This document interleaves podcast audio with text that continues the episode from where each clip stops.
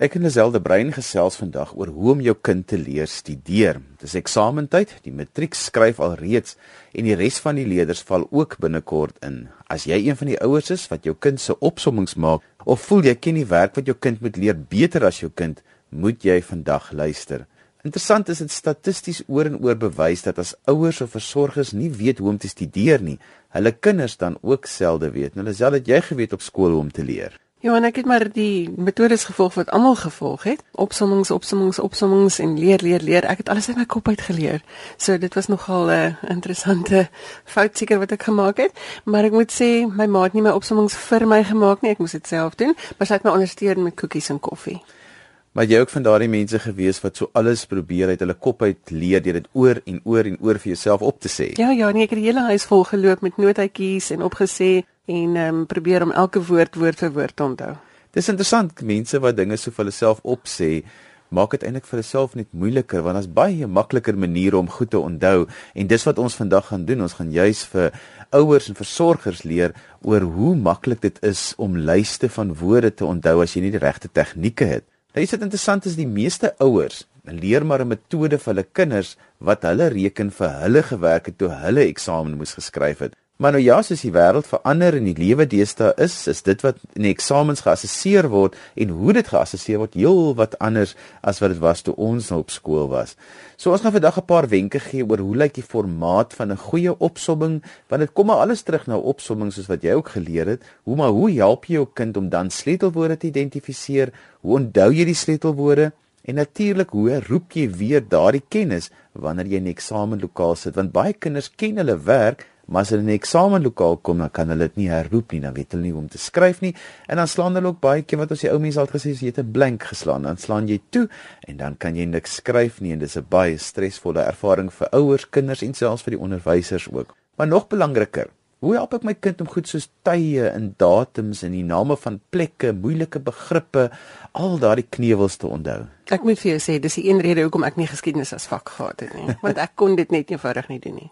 Ja, en geskiedenis deesdae is 'n leervak, maar hy's ook nie meer so 'n leervak nie want 'n mens moet net leer om goed te onthou daar en om te interpreteer, maar jy kan niks interpreteer as jy nie die feite kan onthou nie. Onthou jy kan vir ons SMS by 3343 en dan kan jy lekker saamgesels. Begin jou SMS met die woord groeipyne, spasie en dan jou vraag of bydrae. Hou dit lekker kort. Onthou elke SMS kos R1.50 en gratis minute tel nie. Jy kan natuurlik ook op Facebook saamgesels. Tik maar net groeipyne in by die soekopsie op Facebook, like ons bladsy en dan kan jy lekker saamgesels en gesê wenke het oor hoe om te studeer wat vir jou en jou kinders werk. Gee dit ook sommer daar dat ander ouers dit ook daar kan sien. Dis ja, ek dink een van die belangrikste goed wanneer dit kom by studeer of om iets te onthou, is maar begripslees. Dit is om met begrip te lees. Alles kom maar terug of jy kan lees en of jy nie kan lees nie. Wat beteken dit om met begrip te kan lees, Johan?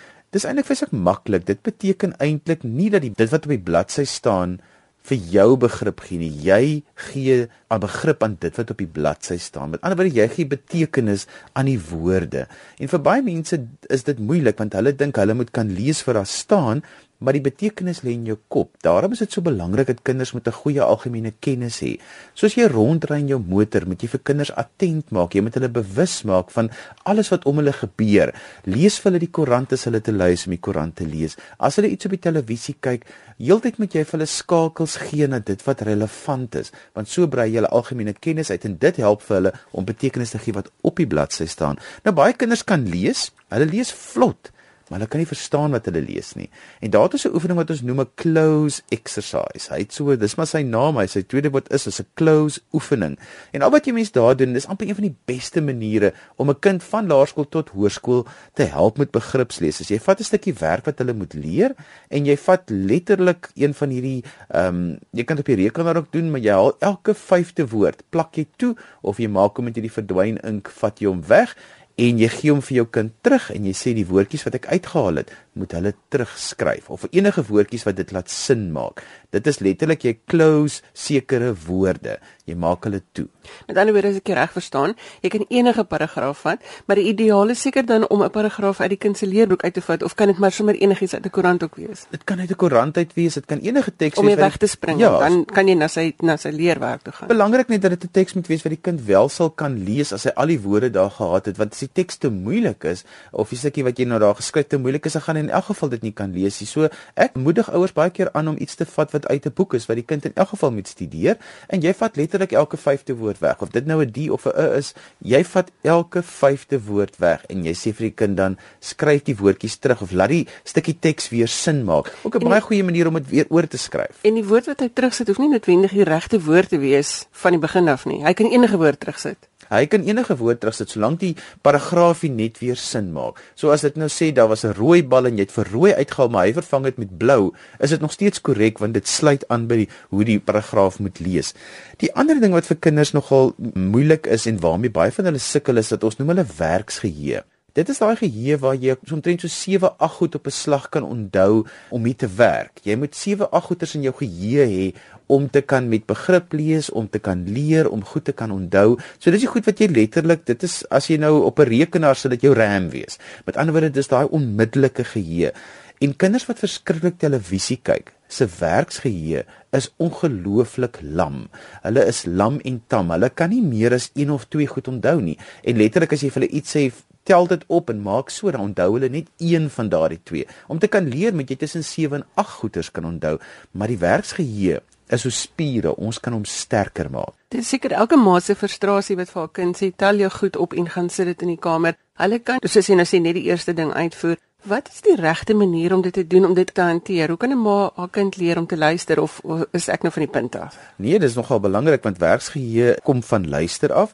'n Mens sê 'n ding net een keer dit moet 'n reël in die huis wees. Jy herhaal nooit iets nie, want anders leer kinders net om te luister as jy jou stemtoon verander of hulle leer nie om die eerste keer te luister nie. Dit beteken maar net hulle het 'n baie lui werksgeheue. Nou werksgeheue is amper die belangrikste naas begripslees om te kan leer. En ons ou TV-kykertjies wat deesdae um, daar buite is, hulle korttermyngeheue is baie baie swak. So hoe kan ons nou help om hierdie werksgeheue aan die gang te kry? Bietjie huiswerk vir ouers, jy moet 'n paar goedjies maak. Die eerste ding is wat jy vat sommer op jou rekenaar en jy maak 'n tabel met 9 blokkies. En dit is 3 rye, drie rye, drie rye, dit lyk amper soos hierdie soos 'n kubus, maar jy 3 3 Dit is drie rye horisontaal en drie vertikaal. Ja, dan moet 9 blokkies wees. Hy word ook dan so 'n vierkant.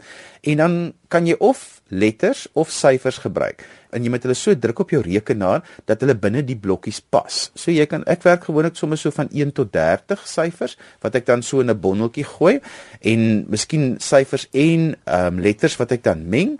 En dan is dit nogal belangrik wat jy dan doen is gebruik die getalle en plaas dan om te begin mee eers net enetjie maar enige plek op hierdie 9 blok tabelletjie.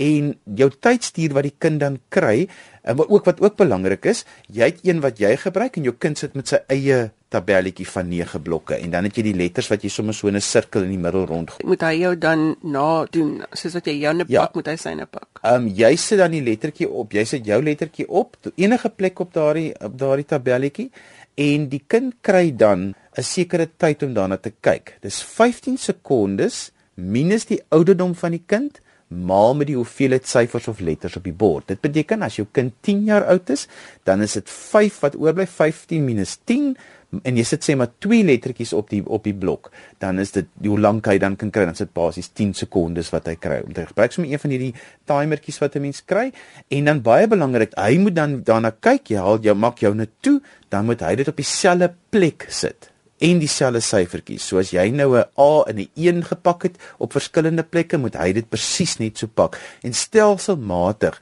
maak jy dit dan meer tot hy later 9, want as hy by 9 kan onthou, dan is dit genoeg om by einde van die dag te kan studeer. Klink vir my daai formule is wetenskaplik uitgewerk deur 'n slim iemand iewers. Gee dit gou weer vir ons. Met ander woorde, dis 15 minus jou kind se ouderdom. Dis 15 sekondes minus jou kind se ouderdom maal met die hoeveelheid lettertjies of syfertjies wat jy op hierdie blokkie pak en dit is die sommetjie van hoe lank tyd hy kry om te kyk daarna voordat jy dit toemaak en hy dit self moet pak. Onthou ook ons kinders kan eintlik maar net 1 minuut vir elke kronologiese jaar tot omtrent so 12 jaar konsentreer, so as dit moenie verby dit gaan nie. Dis nou elke jaar van hulle ouderdom. Ja, elke jaar van so as jou kind dan 10 jaar oud is, dan kan hy maar basies 10 minute op 'n slag en dan moet hy 'n breekie kry, maar ons gaan nou-nou daarna kyk.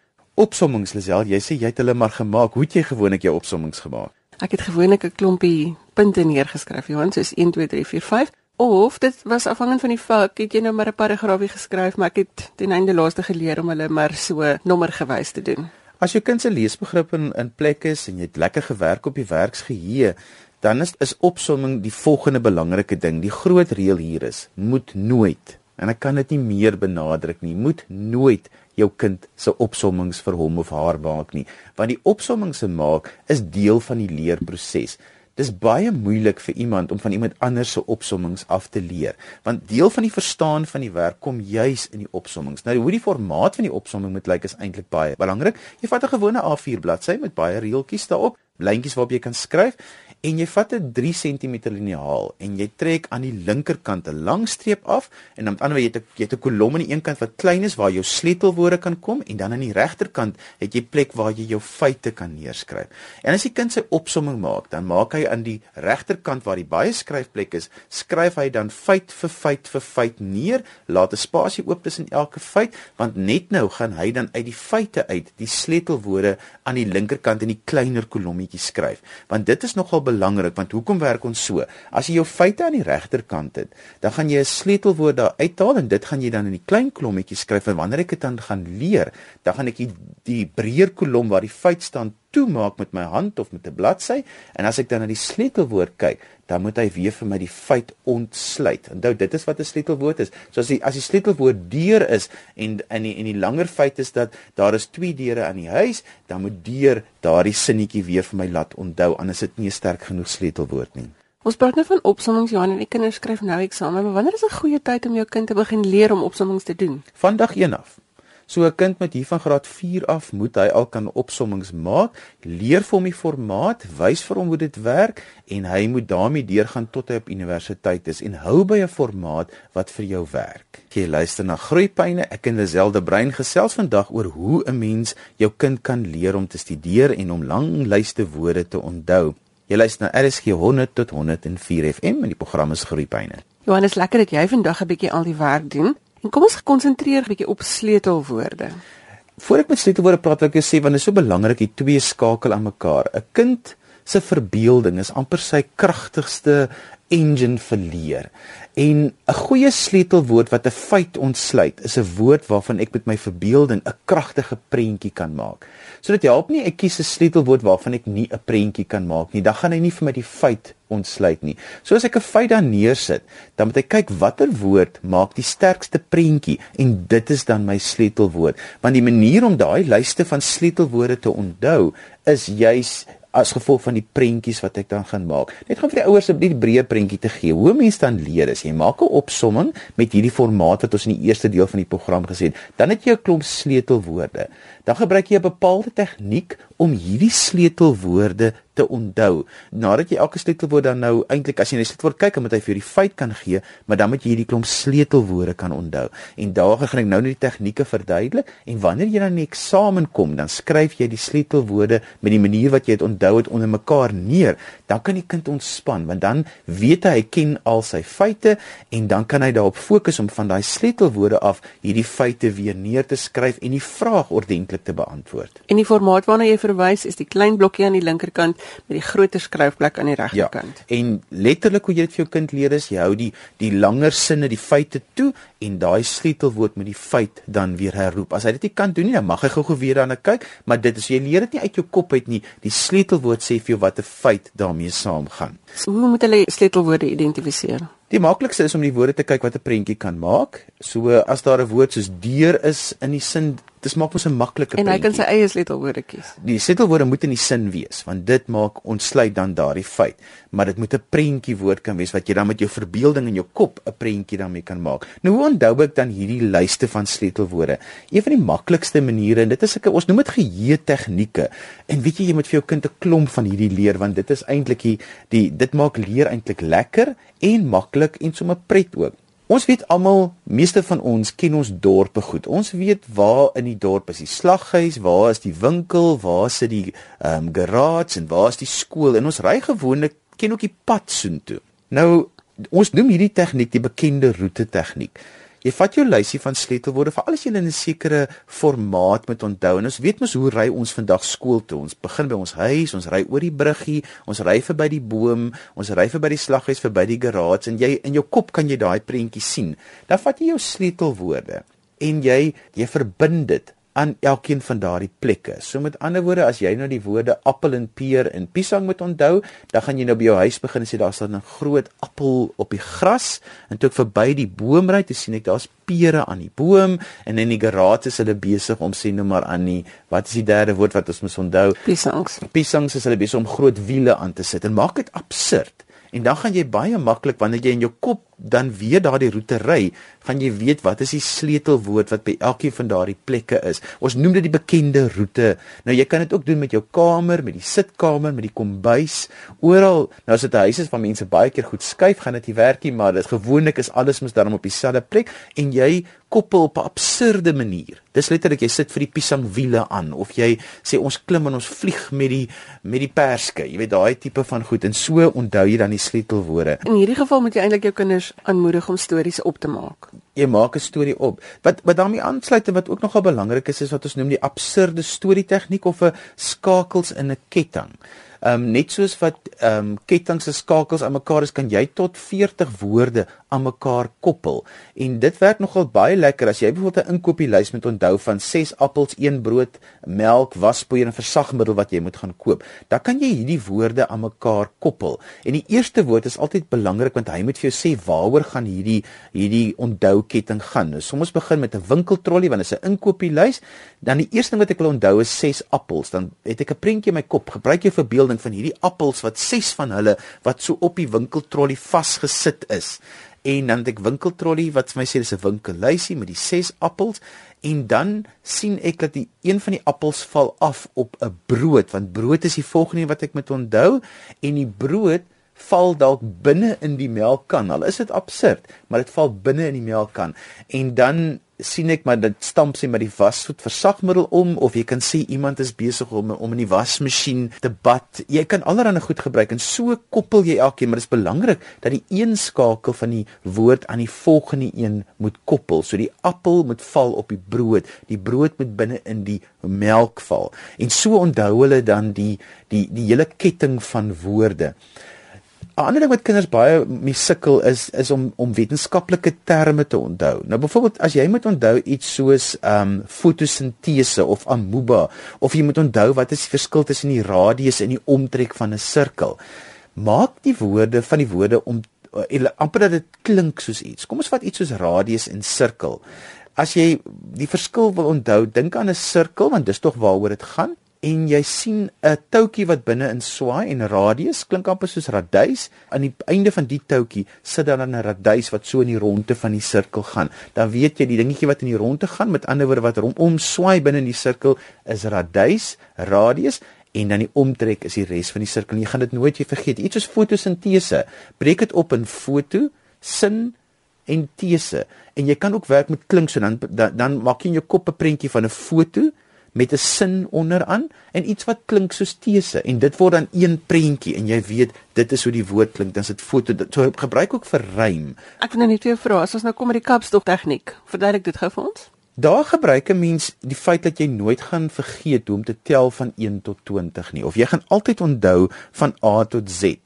Dan gebruik jy woorde byvoorbeeld wat rym met daai letters om 'n prentjie te maak. So jy kan 1 is been en 2 is tee en dan maak jy van daai so jy gaan altyd weet van 1 tot 20 gaan jy tel en dan langsaan skryf jy jou prentjies wat wat klink soos wat rym soos. En dan gebruik jy jou sleutelwoord wat jy onthou om 'n prentjie te maak met daardie woord wat rym. Soos byvoorbeeld as jy met appels onthou en jy, jy sê 1 is been dan is dit 'n appel wat jy mooi balanseer op hierdie knie So weer eens jy gebruik jou verbeelding om dit te onthou, maar jy probeer goed gebruik wat jy nooit gaan vergeet nie en dit koppel jy aan die reeks van sleutelwoorde wat jy moet onthou. En dit die doel is om hierdie sleutelwoorde te onthou sodat jy dit in eksamen agter mekaar kan neerskryf en dan weer die feite van die sleutelwoord af te kan kan ontsluit. Jy gaan maklik 1 2 3 4 5 onthou vir al selfs al is jy gespanne. Baie mense maak ook prentjies van die van die getalle, byvoorbeeld 'n 1 lyk soos 'n potlood en dan kan jy iets met die potlood doen. 'n 2 lyk soos 'n swaan,